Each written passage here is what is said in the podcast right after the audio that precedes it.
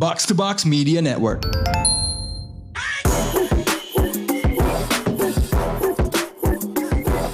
What up, what up? You're now listening to the most valuable basketball podcast in Indonesia. Box Out Indonesia is in the house. Seperti biasa dipandu gua. Raditya Alif with me. I got Gamal Sidarta. What is up bro? Yo, what up, what up? Ah, senang sekali melihat uh, penyintas corona mukanya sudah sehat sekali dan saya dengar udah siap buat kembali ke ini ya MMA gym lo apa namanya fight fight gym. Oh, sudah kembali ke masyarakat saya sudah sudah siap lah. Oke, good, Eh, good. Itu te- teman anda yang yang main ke sana juga mungkin bisa dikondisikan supaya bisa bareng saya latihan itu. Oh iya dia lagi rajin beliau itu. Nggak tahu apakah ada hubungannya dengan kehidupan percintaannya. Ini in jokes banget ya adalah teman kita. Cuman ya kan gitu kan kayaknya kalau lo lagi dalam situasi patah hati penyalurannya adalah dengan menonjok sansak atau apa sih Eh, eh, biasanya? Iya, iya, tapi funny story gue pertama kali fight fight gym itu sekitar eh, lima tahun lalu itu karena emang eh, over breakup gitu. Gue mencari sesuatu pelampiasan, Hmm. mencari penyaluran energi gitu kan. Terus Ya. lah fight fight gym itu. Tapi akhirnya jadi hobi sekarang. Hmm, patah hati, pangkal patah tulang. You know who's back on this podcast? Mr. Amar Gill. What is up, bro? Hey, what is up guys? Apa kabar Yo. semuanya? Good to have you back. Sebenarnya kemarin kalau ada yang dengar episode time out kita sama ATTL ngomongin NBA Top Shot, itu Bung Amar ikut tapi uh, listening aja gitu ya. Ya, saya- pengen saya Yeah. pengen belajar juga soal itu ya, shot. karena saya eh, wawasannya sangat bodoh soal itu. Jadi ya Hmm. banyak sekali mendapatkan ilmu dari kalian. Jadi Ja. peserta webinar aja pak ya? Semacam webinar, ya, semacam webinar lah kurang lebih. Iya, iya, Gitu. iya. Dan eh, kira-kira nih ya kan kalau nggak salah dangnya LeBron James ada yang 200 ribu dolar di Top Shot. Lo sebagai penggemar babang, eh, menurut lo worth it nggak? I don't know, gue cukup orang yang cukup old school ya untuk untuk eh, apa namanya mengeluarkan dana sebesar itu Eh, dan gue nggak terlalu paham cryptocurrency dan lain-lain. Jadi menurut gue sih itu ya tidak worth it sebenarnya Hmm. dengan duit segitu. Tapi ya hey, semua orang kan bisa creating something yang punya value. Tapi buat gue sih ya enggak sih mendingan kayak gitu. Gue ah, gue gue lebih baik gue tuker invest ke wine mahal. Mana tahu LeBron mau datang betulan langsung gue ajakin minum wine langsung. Mar, kok jadi kalau misalnya punya uang segitu lo mendingan beli eh, jam baru misalnya daripada beli si momennya ya? Oh jelas, itu sih itu sih udah 100% gue sih. gue karena mau karena gimana ya? Eh, gue nggak makanya balik lagi eh, karena ketidaktahuan. Jadi opini ini murni karena kebodohan gue aja. Tapi cuman kalau gue dengan dengan oversimplifikasi yang ada di pikiran gue kayak gitu gue bisa lihat di mana pun gitu ya. Kecuali kayak lu mendapatkan hal yang benar-benar otentik, misalnya jersey yang dipakai LeBron di 2016 pada saat final eh, game terakhir gitu. Menurut gue itu kayak sangat membekas gitu. Sedangkan kalau uh, ini menurut uh, nggak tahu, gue belum melihat value-nya harusnya segitunya aja. Ini Gigi, ini berarti kalau mengutip eh, blognya Mark Cuban, Amar ini orangnya lebih percaya pentingnya value intrinsik bro. Betul betul.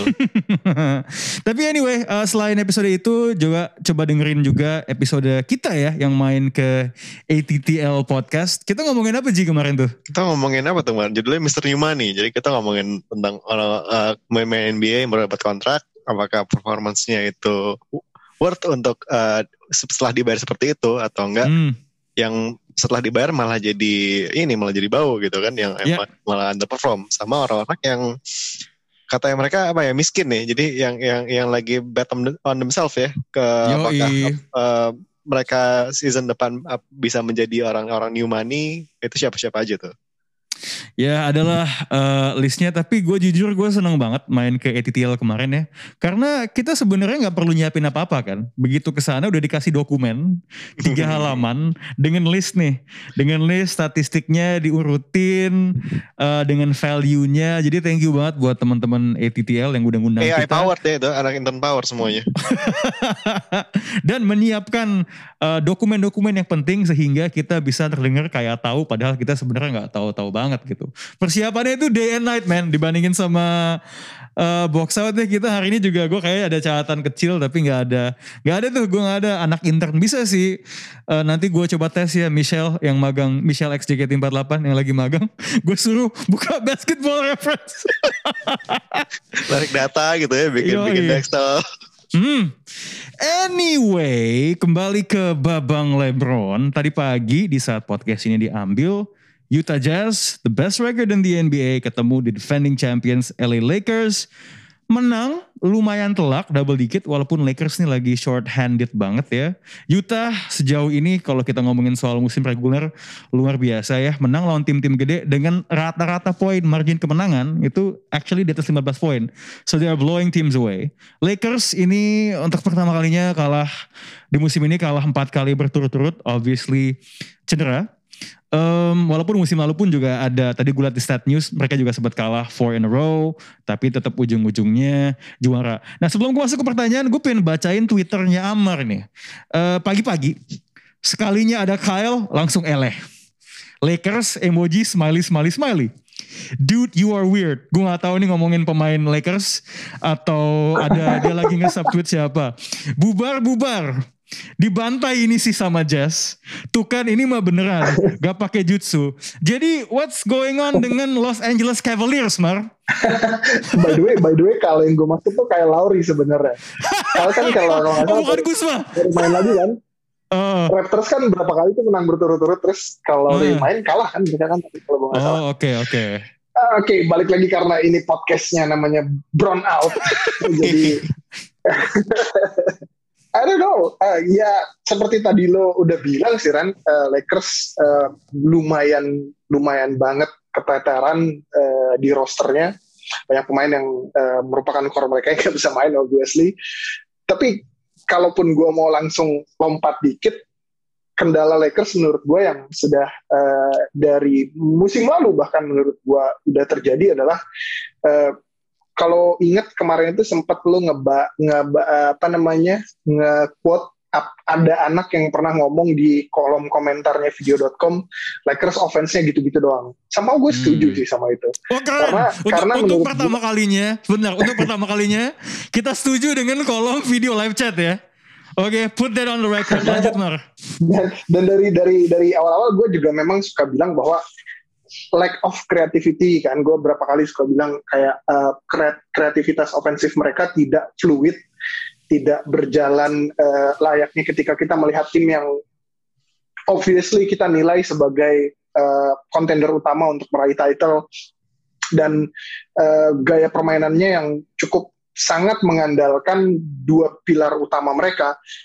Dan kayak misalnya dengan ketidakadaannya Anthony Davis dan terutama Dennis Schroeder ya menurut gue terutama bukan berarti gue bilang Dennis Schroeder lebih baik dari seorang Anthony Davis tapi fluiditas permainan itu sangat berpengaruh dengan adanya seorang uh, Dennis Schroeder yang mana ketika dia tidak main impactnya juga sangat besar. Kalau misalnya kita lihat dari permainan uh, Lakers selama ini yang tanpa ada Dennis Schroeder itu pemain-pemain yang memiliki determinasi untuk melakukan penetrasi ke dalam ring tidak terlalu banyak.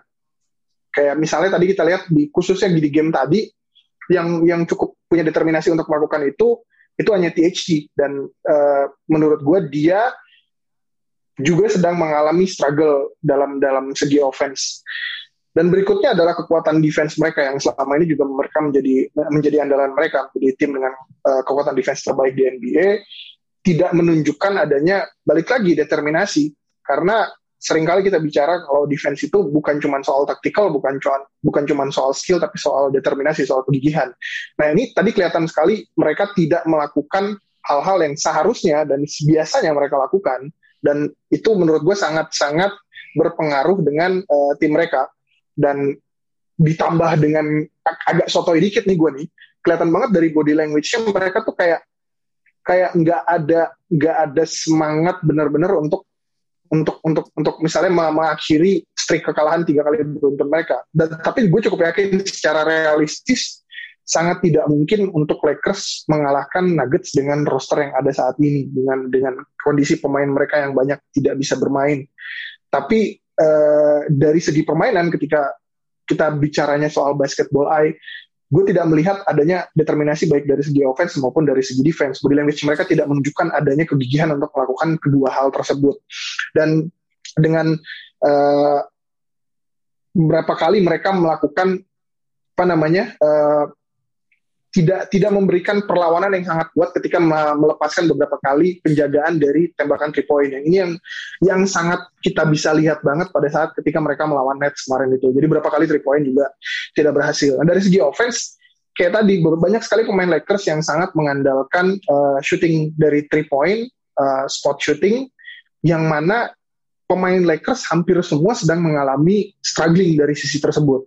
Pemain-pemain yang harusnya memiliki kredensial uh, untuk melakukan hal tersebut tidak bisa untuk menunjukkan top performance mereka. Kita mulai lihat dari mulai KCP, uh, lalu Wesley Matthews pastinya, kalau Kusma juga tidak terlalu wangi, quote unquote, dan dan beberapa pemain lainnya dan Caruso sendiri yang selama ini pemain Lakers yang cukup paling sering untuk mendulang plus minus terbaik, permainannya nggak sedang dalam kondisi terbaiknya mereka. Jadi uh, akumulasi dari ini semua yang mengakibatkan bahwa mereka sedang tidak dalam top performance yang mengakibatkan mereka uh, on a losing streak seperti ini. Tapi kalau misalnya lihat dari uh, presiden-presiden yang ada, tim yang ada LeBron James itu sering kali mengalami hal kayak gini gitu di awal tahun di di apa namanya menjelang menjelang All Star Game. Makanya kita sering kali melihat dari zaman LeBron masih di Cleveland uh, itu biasanya deket-deket trade deadline tuh mau mau All Star Game tuh biasanya GM-nya pasti kayak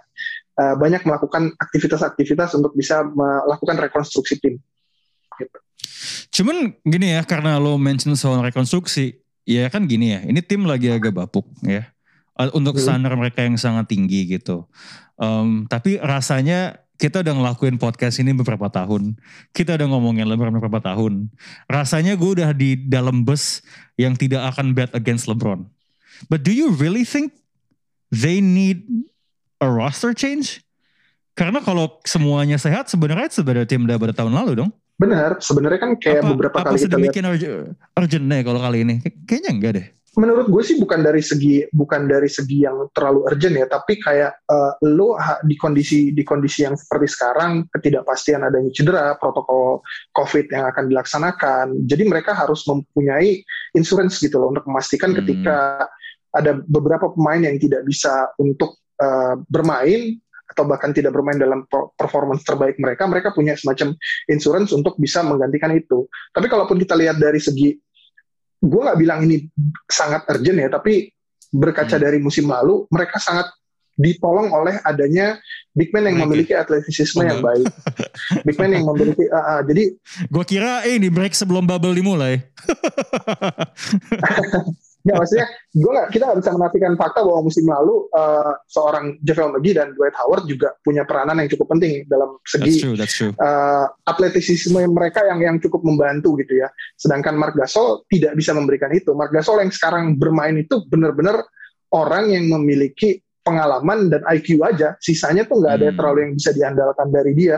Masing-masing dia memang sangat bagus, tapi apakah lu sangat memerlukan big man yang bisa passing karena passing itu udah bisa dihandle sama misalnya LeBron James dan Anthony Davis juga merupakan salah satu big man passing yang tidak buruk sebenarnya.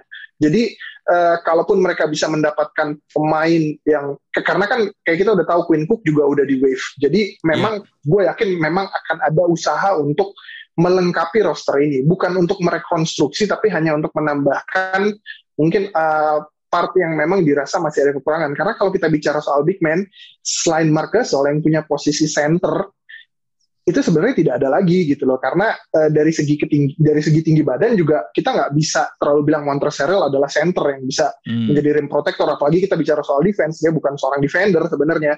Jadi kalau misalnya bisa mendapatkan pemain-pemain yang punya versatilitas dalam dalam segi atletisisme, dalam uh, protecting the ring, dan paling tidak bisa membantu untuk melakukan beberapa kali screening di up di apa namanya di uh, high post itu itu bisa bisa cukup membantu mereka. Aku pikiran kayak pemain yang ya mungkin nggak terlalu muluk-muluk ya pemain kayak walaupun gue nggak tahu dari segi kontrak apakah bisa akan didapatkan atau tidak. Pemain kayak Willie Collinstein gitu loh yang yang yang punya atletisisme yang yang cukup baik gitu yang yang bisa membantu mereka dari segi itu tapi bukan untuk perombakan makanya gue tidak merasa bahwa Lakers dalam kondisi harus untuk menarik rem darurat yang menyatakan bahwa ini kondisi yang dalam dalam dalam kondisi genting atau seperti apa. Hmm. Tapi memang butuh insurance gitu loh untuk ada pemain-pemain yang bisa diandalkan ketika banyak pemain yang tidak bisa main. Mar, Mar, mau tanya, kalau misalnya, Ya. berarti kan ke- kebutuhan utamanya adalah uh, nambal yang bolong-bolong gitu kan? Dan tadi yang lo sebut adalah big man. Nah sekarang kan uh, situasinya yang di market itu big man ada dua nama yang lumayan terkenal nih. Satu uh, Boogie Cousins sama kira-kira kemungkinan besar kan uh, Andre Drummond juga bakal di buyout sama Cleveland. nah antara dua itu kira lu bilang uh, ada ada kemungkinan yang mereka bisa datang ke Lakers dan apakah mereka, bisa bantu? Kalau kemungkinan justru yang lebih masuk akal sih tentunya Andre, eh sorry tentunya si Boogie Cousins ya. Karena uh, Andre Drummond gue nggak tahu proses wave dengan nilai kontrak seperti itu apakah akan dilakukan gitu. Apakah Detroit akan mengulangi hal yang terjadi dengan Joe Smith di dulu kali. Walaupun kita nggak bisa nebak namanya Detroit itu ajaibnya luar biasa. Jadi uh, dan dan apakah apakah uh, struktur gajinya juga akan masuk ketika memang Drummond nanti akan masuk ke akan coba masuk ke Lakers gitu. Menurut gua itu agak sulit. Yang mungkin masuk akal adalah Boogie Cousins. Nah, dengan dengan kehadiran Boogie Cousins ini menurut gue tidak bisa mena tidak bisa menambal uh, kebutuhan mereka untuk mendapatkan big man yang atletis, tapi paling tidak sudah bisa mendapatkan garansi big man yang lebih produktif ketimbang Mark Gasol. Yang Mark Gasol di mana bisa bermain dari bangku cadangan dan di starting line up bisa main Boogie Cousins yang paling tidak bisa memberikan alternatif untuk melakukan uh, apa namanya penetrasi maupun tembakan midrange ataupun tembakan tiga angka bahkan yang sebenarnya dalam da, dalam kondisi sekarang kita harus akuin bahwa ya Mark Gasol dari segi offense itu sangat-sangat tidak bisa diandalkan. Dan dan dan itu harus harus didapatkan makanya itu untuk menambal hal-hal yang seperti tadi gue bilang kreativitas offense mereka yang sangat-sangat bergantung kepada LeBron James dan Anthony Davis. Kalau kita lihat beberapa kali Anthony Davis misalnya mainnya di high post, LeBron passing, habis itu udah semuanya spread antara Anthony Davis akan kick out atau misalnya dia akan finishing in the rim. Begitu juga dengan LeBron, gaya permainan offense mereka tuh menurut gue tuh jelek banget, nggak ada indah-indahnya buat dilihat. Ya cuman itu sebenarnya agak aneh ya, padahal ketika Marc Gasol diambil kan orang juga ngelihat dia bisa jadi kreator loh, bisa jadi release valve gitu loh. Um, dan sebenarnya kalau menurut gue pribadi ya, dari dua pilihan itu kalau kebutuhannya adalah yang atletis, yang bisa lari, yang bisa defense, sebenarnya di antara dua nama itu gue ajaibnya, ajaibnya, gue prefer Drummond, walaupun gue juga nggak yakin itu bisa masuk ya dari segi situasinya. But anyway, Ya. ini kan kita sudah mendiagnosa Lakers panjang lebar. Nah, valuasi saham lo nih Mar terhadap Jazz tuh meningkat sedikit gak sih? Or are you still taking them with a huge grain of salt? Iya, Susah ya? menurut gua, menurut kon- kondisinya gimana ya? Kayak kayak tim-tim seperti Jazz ini kayak you you gonna believe it when you see it gitu kan? Kayak ketika lo udah melihat keberhasilan di position, karena kayak ini tuh dua binatang yang sangat berbeda banget. Kita kita tuh udah terlalu sering di, di, dihadapkan sama situasi seperti ini. Ada tim yang sangat-sangat mempunyai dominasi yang sangat bagus di eh, apa namanya di regular season, tapi di positionnya eh, belum belum bisa untuk untuk untuk untuk terbukti gitu loh sampai mereka bisa menunjukkan sebaliknya. Jadi gue masih masih masih sama sama pendapat gue terakhir kali gue joining podcast ketika kita waktu itu juga sempat membahas soal uh, Utah Jazz. Gue masih menganggap bahwa uh, Utah Jazz adalah tim yang sangat legit di regular season, tapi mungkin di uh, position akan lebih tim-tim yang secara tradisional memang sudah diunggulkan dari kemarin-kemarin karena talenta dan bintang-bintang mereka yang memiliki kredensial yang sudah sangat baik itu akan lebih uh, thriving di di position. Tapi Oke. tidak menutup kemungkinan bahwa mereka akan bisa masuk ke final wilayah. Final wilayah. Oke, oke. Kalau gue, gue valuasi saham gue akan Utah, gua, buat gue pribadi meningkat karena bahkan tanpa ada, apa namanya bukti bahwa mereka bisa melaju jauh. If we go back to last season, di mana mereka adalah tim yang lesser ya dibandingin musim ini. Sebenarnya kan series melawan Denver Nuggets itu sangat kompetitif kan. It went back and forth and back and forth, and we know that Nuggets itu melaju cukup jauh ya di playoffs musim lalu. And they're a better team. Menurut gue, at the very least mereka akan kompetitif di playoff. Maksud gue, kalaupun let's say ketemu Lakers terus kalah, I think it's gonna be a good series.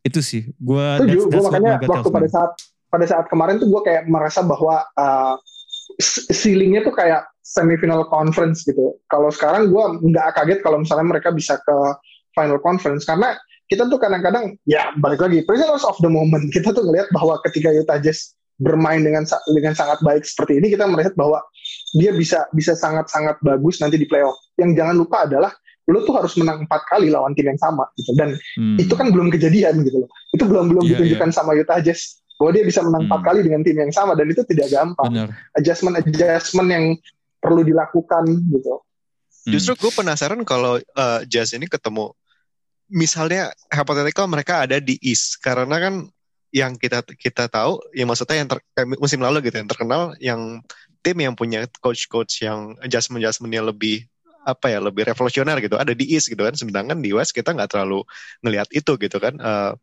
jadi gue lebih penasaran kalau misalnya mereka ada di East sih apa apakah Quinn Snyder adalah uh, playoff caliber coach yang bisa melakukan itu semua Hmm. Cuman at least ya terlepas dari adjustment yang akan yang mungkin dia buat atau tidak dia buat ya. Habis kalau ngomongin adjustment tuh harus detail gitu lihat satu pertandingan ke yang lain ya. Gue percaya tim ini ketimbang iterasi-iterasi Jazz sebelumnya jauh lebih fleksibel and they have more options. And when you have more options harusnya kemungkinannya lebih fleksibel. Walaupun the question mark dari kemarin it still stands bagi gue.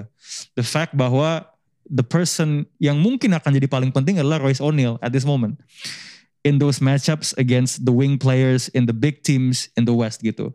Gue malah, kok gue malah Suzon ya kalau seandainya dia pindah ke East ya. Gak tahu karena when you go back to the East, that means Rudy Gobert sama James Harden bakal satu conference lagi man.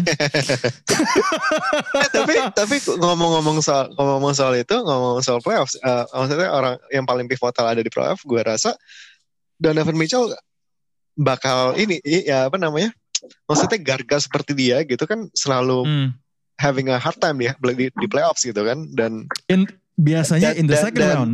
dan dan Jazz itu kan maksud offense itu sangat bergantung sama dia gitu ya yang yang poinnya terutamanya cuma dia nggak ada nggak ada Rudy Gobert nggak bisa lo andelin untuk Well. 30 night kan Well sebenarnya gini ya. Kalau kalau gue mungkin sedikit berbeda pendapat karena menurut gue Donovan Mitchell to a certain extent sebenarnya terbukti di playoffs. Ya, we know what he did in his first season ngalahin timnya Paul George ya pencapaian yang sama dengan Damian Lillard.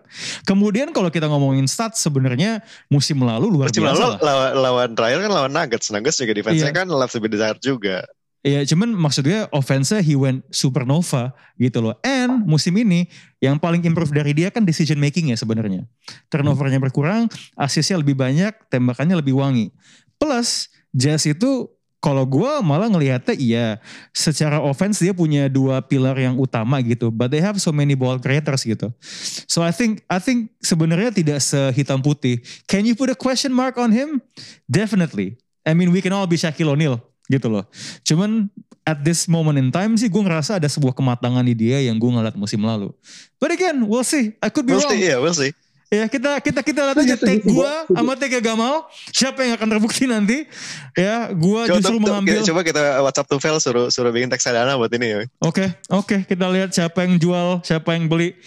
Tapi kalau ngomongin soal take-take, pendapat-pendapat pro dan kontra, kayaknya yang paling dibahas adalah soal pemilihan All-Star Team yang udah lengkap semua dari segi starter sama reserve.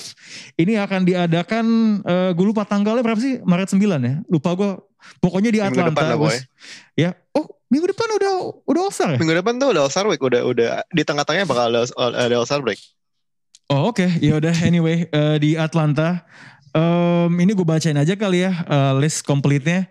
In the East buat starternya ada Bradley Beal, Kyrie Irving, Giannis Antetokounmpo, Kevin Durant, eh, sama Joel Embiid. Eh, untuk reserve-nya ada Jalen Brown, eh, pertama kali All-Star, James Harden, Zach Levine, akhirnya masuk All-Star juga, Ben Simmons, Julius Randle, eh, lumayan unyu ya kalau ada yang lihat video pengumuman All-Star-nya itu ibunya yang zoom call. Em, Jason Tatum sama Nikola Vucevic. Kemudian di barat itu starternya Steph Curry, Luka Doncic, LeBron James obviously, Kawhi Leonard, Nikola Jokic. Em, untuk reserve-nya ada Damian Lillard, Donovan Mitchell, Chris Paul dan karena Anthony Davis cedera digantikan sama Devin Booker. Ini yang kemarin juga lumayan panas ya dibahas sama pemain NBA. Ini pemain yang dianggap paling nggak dapat respect. Paul George, Zion Williamson sama Rudy Gobert. Mungkin intonasi gue udah agak menunjukkan sentimen gue ya terhadap pilihan-pilihannya. So let's talk about yang well first of all lo ada kayak reaksi yang kaget nggak lihat lihat list ini atau atau mostly sentimennya adalah ya ini adil ini roster all star yang baik di uh, baik di starter maupun di reserve di East sama West. Uh, Gamal, what's your take on it, bro? Setiap tahun pasti ada yang snap nggak sih? Jadi lo nerimo. ya ada ada ada ada beberapa nama yang gue rasa lebih lebih lebih banyak di West dibanding di East yang gue rasa uh, harusnya lebih deserving gitu ya. Satu ya tadi si siapa namanya si uh, Devin Booker harusnya dia sudah dia nggak jadi injury replacement over Mhm. Chris Paul. Ya, maksudnya Booker sama Chris Paul, well tahun tahun ini maksudnya Booker emang emang kelihatan dia lebih step up gitu. Chris Paul he's being Chris Paul aja yang emang incredible also in his own right kan. Tapi apakah itu maksudnya masih wa- warrant an all star appearance gitu di, di setelah Hmm. dia, uh, karir dia bertahun-tahun gitu. Dan, dan maksudnya as the elder statesman harusnya dia lebih ini gak sih? Kayak yaudah yang yang kasih kasih lah yang muda-muda gitu. Kayak gue ngerasa ada kayak politik politiknya aja sih. Di, Iya, tapi kan bukan salah Chris Paul itu yang bukan salah masuk. Chris Paul makanya. Bukan. ada gue rasa kayak ada ada politik politiknya dari mungkin dari ini kan milih coaches kan kalau Ya, kalau reserve mungkin ada titipan dari Pak Adam gitu. Tolonglah ini dibantu for real? saya. Pak Adam minta kalau Pak Adam minta Zion Williamson gue percaya. Nah, makanya kan berarti berarti bisa jadi ada itu gitu loh Oke, kalau kalau bagi gue pribadi, tadinya sih kan satu nama yang gue pingin banget itu Michael Conley. But looking at the numbers, looking at amount of pemain Jazz yang masuk, gue akhirnya bisa lebih menerima sih. eh, susah kalau dia susah nggak ada. ah. susah, Susah untuk, gitu. ah. Em, cuman kalau Chris Paul, gue tendensinya justru agak setuju karena performa statistik dia itu lebih bagus daripada musim lalu, di mana dia masuk All Star. Dan ini mungkin Tufel bakal konak ya ketika denger gue ngomong ini ya. Tapi kan coaches tuh ngeliat winning dan impact kedatangan seorang Chris Paul ke organisasi Suns dibandingkan musim lalu emang emang sebegitunya and asal dia stable di mana emang digambarkan Chris Paul tuh kalau pindah ke tim tuh dia tuh bener-bener bisa ngangkat floor timnya gitu loh. well tapi kan kalau misalnya lihat Phoenix sendiri emang sudah saatnya nggak sih mereka akhirnya winning gitu punya winning record dengan dengan timnya mereka dengan anak muda yang emang udah saatnya matang gitu ada ya Devin Booker si si Cam- siapa namanya si Aiton sama si Michael Bridges itu juga kan musim ini benar-benar uh, outstanding gitu I'm still not sure mereka akan sebagus ini kalau nggak ada si Pitri sih. Kayak Oke, oke. apakah they, they will be uh, at this position in the table? Gue tidak seyakin itu gitu. Anyway, Amar uh, coba chime in. Ini kita masih ngomongin yang berat dulu. Any pro cons atau lo mah yang penting ada LeBron James aja kan? itu dia sampai kapan juga kayaknya ada. gua sih melihat All Star pemilihan All Star kali ini eh, cukup tidak banyak kontroversinya. Tapi ketika gua pun harus memilih, gua akan memilih Devin Booker ketimbang Zion Williamson. Yang Hmm. mana bukan berarti gue menganggap Zion Williamson tidak bagus, tapi eh, ketika dikomparasikan dua pemain ini secara apple to apple dari segi winning juga seperti tadi yang lu bilang, apalagi kan Mhm. ini reserve yang dipilih oleh eh, si ini kan dipilih oleh pelatih juga. Jadi menurut Mhm. gua Devin Booker lebih layak untuk berada di sana ketimbang Zion Williamson. Sisanya menurut gua sudah sudah cukup fair ketika kita bicara soal Barat. Paling yang tidak yang cukup tidak gua nggak bisa bilang fair atau enggak karena ada kontribusi yang sangat besar dari votes. Gua masih menganggap bahwa Dame Lillard lebih layak untuk menjadi starter ketimbang Luka Doncic. Hmm, ya itu banyak dibahas. Eh, Gamal eh, karena Damian Lillard udah masuk anyway, lo gue kasih floor untuk eh, membuat the case bahwa Damian memang jauh lebih layak daripada Doncic. winning record udah jelas satu Eh, Oke. terus Produksi performanya statistik. juga Hmm. dan apa ya kalau gue mahal sih membaliknya ke narasi-narasi lagi sih tapi kalau gitu tapi mak- maksudnya narasi untuk Dame menjadi starter kenapa apa namanya narasi untuk Dame ketimbang narasi untuk Luka di musim ini gue lebih melihat untuk Dame sih Hmm. Ya dan sebenarnya mungkin argumentasi terbesar adalah Luka Doncic sendiri mengakui bahwa emang Dame lebih layak jadi starter. So I think that closes the argument. I'm so disappointed with you two. You know why? Karena kalian nggak bilang bahwa Sabonis lebih layak daripada Nikola Vucevic untuk masuk Eh, ke kita dalam kan masih ngomongin West. Oh gitu. Nah, Jadi kalau tadi kalau aduh. Oh ya maaf, maaf. Tapi kalau di kalau di East kalian sepakat atau enggak dengan statement gue barusan? Enggak, gitu. Tai lo. Come on man. Statistiknya hampir identik sama Nikola Vucevic. Dan Pacers rekornya lebih bagus. Why not? Eh, eh, ini ini kalau mis- eh, kasus Nikola Vucevic itu lebih ya sama kayak sama kayak Zion sama Booker gitu di di di winning record. Tapi kalau ngelihat produksinya Vucevic kan dengan dengan teammate yang lagi pada cedera semua dan dia dia Oladipo kan udah di trade. dia juga udah gila-gilaan di situ gitu loh. Eh, maksudnya di- si, si, si, si siapa namanya masih ada Brogdon lah di, paling enggak. Dan ada Jeremy Lamb yang udah balik dan lumayan kan dia mainnya. Ya kan tapi tetap Sabonis better daripada musim lalu. Come on, come on. Eh tapi gue Dan- juga dan- dan dari gue segi- dan juga dari segi itu sih. Tapi Sabonis. maksudnya gue gue masih masih bisa mengikhlaskan Vucevic untuk masuk. Dan dan dan Vucevic tuh bukan pemain yang jauh lebih entertaining juga daripada Sabonis. Karena kadang-kadang gitu kan, ada yang pernah bilang lo ngapain sih lihat Sabonis hook shot hook shot di All Star game gitu kan. Tapi nggak nggak sebeda itu juga itu kayak gitu. Paul. Millsap tahun berapa tuh 2016 atau 17 itu yang gue kayak Atau yang- yang- sih Paul yang- Millsap gitu sih. Yang Atlanta kan yang ada empat Iya, All Star iya, iya. masuk tuh waktu Maksudnya itu kan. dia bagus tapi nggak nggak yang nggak all star gitu. Eh, Amar, kalau misalnya kita berkilah di apa namanya di East, ada snap lain nggak yang bagi lo cukup noticeable? Apa Terus menurut justice serve? sudah sudah sudah cukup adil ya. Tapi paling kritiknya adalah walaupun nggak bisa sem- semata-mata kita bilang main main bilang kritik aja, tapi eh, ketika lo mau coba untuk mencari celah, paling kenapa Boston tim yang above eh, yang di bawah below 500 bisa untuk melahirkan dua dua pemain gitu untuk untuk Iya. ada di situ.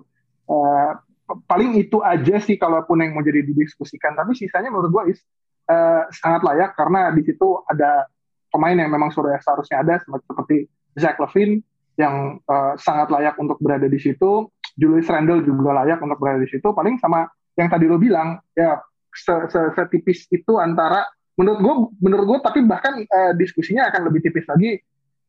Kita bisa menganggap bahwa Vucevic ini ada yang di paling bawah lah ya untuk bisa masuk All Star. Ya paling perebutannya ketika kita nggak ngeliat posisi justru akan ada pembicaraan soal Trey yang untuk masuk ke Ya. situ gitu loh. Mhm. Karena kalau kita bicara soal winning juga, oh Washington juga nggak bagus-bagus amat gitu loh. Ya, jadi Mhm. kalaupun misalnya kita mau perdebatkan nih siapa yang ada di batas bawah, kayak tadi lo udah bilang antara Vucevic atau eh, Sabonis, di situ juga sebenarnya layak untuk diperdebatkan apakah Trey yang layak masuk gitu. Walaupun ketika Hmm. memang ada argumentasinya bahwa eh, Atlanta juga bukan tim eh, yang banyak menangnya, bukan winning team, tapi begitu Hmm. narasi yang sama bisa kita pakai ketika kita ngomongin eh, Chicago, Zach Levine maupun eh, Washington Wizards yang ada di Bradley Beal. Ya. Dan dan dan eh, produktivitas Trae Young juga cukup baik dari segi poin maupun assist sehingga eh, perdebatan itu cukup ada di situ. Tapi overall gue melihat bahwa dengan akumulasi pertimbangan semuanya eh, pencapaian eh, pribadi maupun apa yang mereka bisa berikan kontribusi ke tim untuk timnya bisa eh, lebih baik. Menurut gue yang ada di eh, roster saat ini cukup fair. Ya, I mean, ya seeing Boston yang semakin merosot dan di peringkat 6 ya. Kayaknya dua All Star tuh sebenarnya agak banyak ya. Em, mungkin itu yang kalau gue merasa Vucevic harusnya digantikan Sabonis, mungkin ah, tapi Jalen Brown pertama kali juga sih masuk All Star. Jalen Brown juga juga cukup worthy sih dia ta- musim ini. Hmm. Jalan Brown bagus sih, bagus. Iya iya iya. Nggak tapi still sih ano. Peringkat peringkat 6 tuh lu ada dua tuh is a bit much. May- maybe ya kayaknya I would replace I would replace him sama Trae Young. Tapi ya fair game, fair game, fair game, fair game. Tapi nggak ada Um, dispute soal Julius Randle kan? Kenapa? Menurut gue Jul- Julius Randle sih undisputable ya karena menurut gue dia layak Oh, iya. Iya iya iya. Um, enggak enggak enggak. Gue enggak gue enggak dispute Randall and bener-bener ya mungkin di di sini sebenarnya ada recency bias juga ya. Tapi kayak bener-bener we didn't see him being this good uh, this year aja sih. Kayak apa ya novelty factornya lebih ada sih bagi gue buat milih dia. So no I'm not taking him out of my team. Oke, kita kan udah punya pool ini. Sekarang waktunya bukan untuk memperdebatkan siapa yang layak masuk apa siapa yang harusnya nggak ada. Tapi let's do for the first time a box out All Star Draft. Tim Amargil lawan tim Gamal Sidarta. Gue lupa deh, ini tuh biasanya tuh nentuin siapa yang dapat duluan tuh pakai coin toss apa dari yang rekornya lebih bagus ya? Kan tahun ini kan LeBron sama Durant nih. tim yang yang votingnya lebih tinggi. Oke, so that means siapa yang lebih unggul ya? Is it is it LeBron? Kayaknya LeBron lah. Oke, yaudah. Amar lo kan jadi lo akan menjadi LeBron dan Gamal akan jadi Durant. Oke. So, gua akan nandain tim masing-masing. Um, so, uh, for the uh, box out 2021 All Star Draft, the clock is on. Amar, siapa pemain pertama yang lo draft ke dalam tim lo? With the first pick, gue akan memilih Stephen Curry. Alright, so Stephen Curry ke timnya Amar. Now, with the second pick, With, Gamal Durant. with the second pick, uh, I I choose Damian Lillard, of course. Wah, ada sedikit Eh, bukannya pemilihannya eh, ininya dulu ya? Oh, mesti ini ya? starter dulu. Starter dulu, nggak boleh Ya, ini. ya, Nggak boleh itu. Oh, yaudah, Gam. apa-apa. Ternyata Gamal tidak Baru bisa nanti- membawa keadilan buat Damian. Kalau Baru nanti begitu- reserve-nya Gamal duluan votingnya. Oke, oke, Oke. oke. Kalau begitu, Ya. saya memilih uh, Nikola Jokic di situ. Oh, Nikola Jokic ini on brand ya. Lo memilih pilihan pertamanya Kulit adalah kulit putih ya. Ya, oke. Oke, for the th- uh, third pick uh, Bung Amar silakan. Gua akan memilih eh, Bradley Beal. Oke. Amar memilih the top scorer of the NBA, Gue Bradley punya target Beal. buat bikin assist record. Ya, well kalau sebuah tim itu backcourtnya Steph Curry sama Bradley Beal sih harusnya buckets will come for free. Oke, uh, the fourth pick, silakan Bung Gamal. Eh, saya pengen permainnya atraktif, jadi kita kita pilih Luka Doncic di sini. Luka Doncic. Lagi-lagi ya, ini kayaknya pertama kalinya All Star dua pilihan pertama itu kulit putih. Enggak, gue Ya, gue gue gue emang pengen aja ngelihat dua orang ini main di satu lapangan. terlepas dari Ini terlepas dari kulit betul, warna apa. Gua yakin ini bakal menjadi satu tim yang uh, body fat percentage-nya paling tinggi ya. Oke, with the fifth pick, Bung Amar silakan. Ya, gue harus gua harus mengambil Big Ten yang bisa eh, protecting the ring. Menurut gue adalah kandidat MVP nomor satu di NBA. Gue akan mengambil Joel Embiid. Joel Embiid. Jadi Embiid akan satu tim dengan orang yang ngelakuin flagrant foul ke dia ya, yang diprotesin waktu itu. Uh, Oke, with the sixth pick, siapa Bung Gamal? Pick, eh, gue memilih Kawhi Leonard. Kawhi Leonard. Ini buat jagain babangnya Amar. Oke. So uh, next siapa Amar? Gue tidak akan memilih starter yang ngenyein gue soal free throw shooting gue. Yang jadi, jadi gue akan mengambil the reigning MVP Giannis Antetokounmpo. Oke, let me mark that down. Oke, berarti ini secara otomatis Gamal mendapatkan pemain dengan haluan ideologi politik kesayangan ya? Oh iya betul dengan dengan dengan Kyrie segala Irving. dengan segala kesaktian magisnya dia. Ya betul. Sebenarnya kayaknya kalau secara tim lebih lucu timnya Gamal sih. Eh, Oke, ini coba gue gua, gua bacain starternya dulu ya.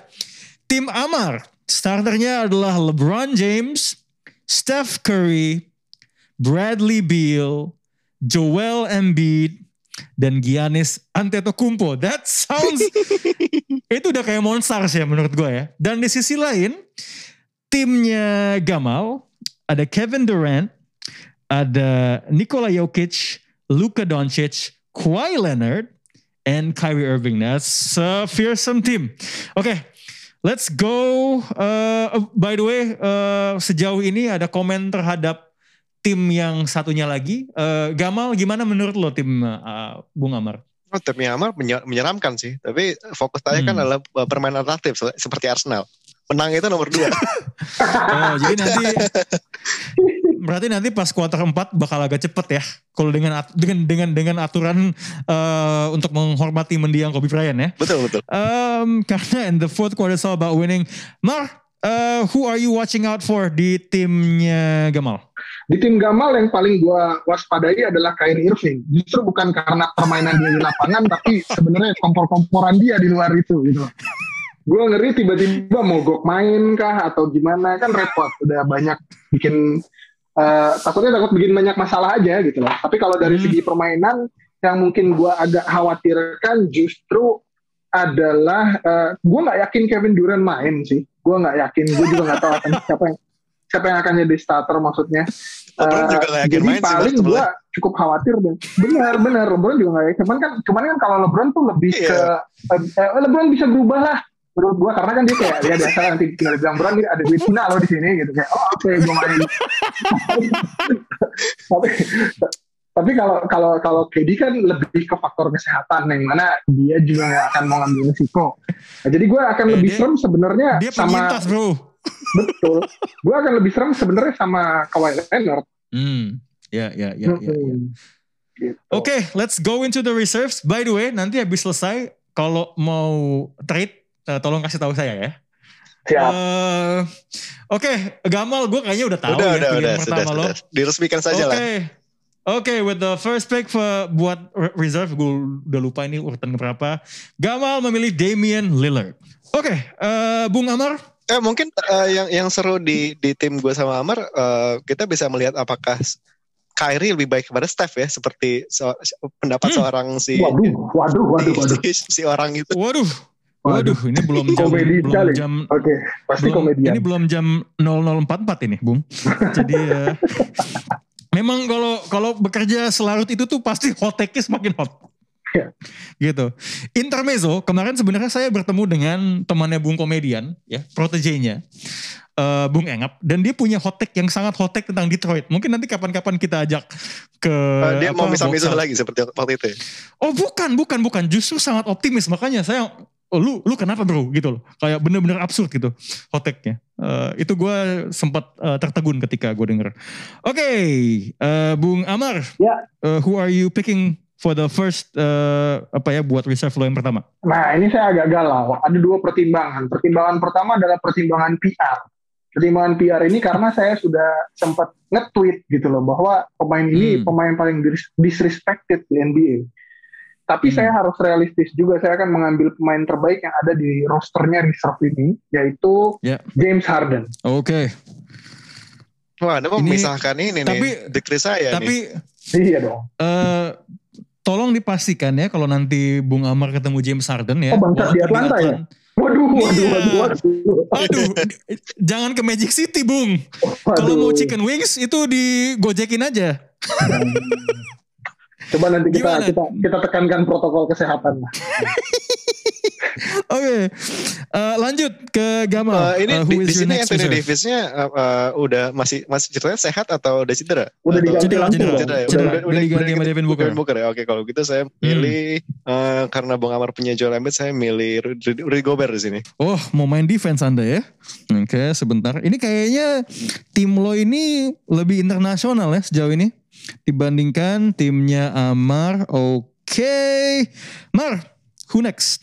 Untuk berikutnya saya akan mengambil eh, pemain yang bisa untuk membantu tim saya mendapatkan spotlight lebih besar.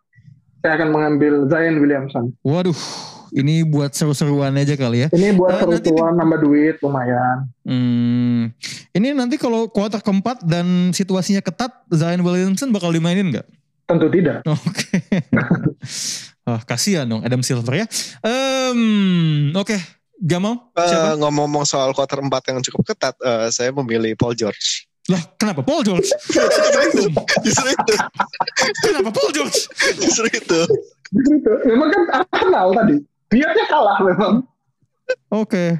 Iya, ini kayak Gamal nih emang timnya pengen lawak sebenarnya ya. Kalau dilihat-lihat gitu. Anda ini memang sudah bersiap untuk ada banyak airball ya di kuarter keempat ya. Ya, saya kontrarian saya di sini, Bu. Kontrarian tai.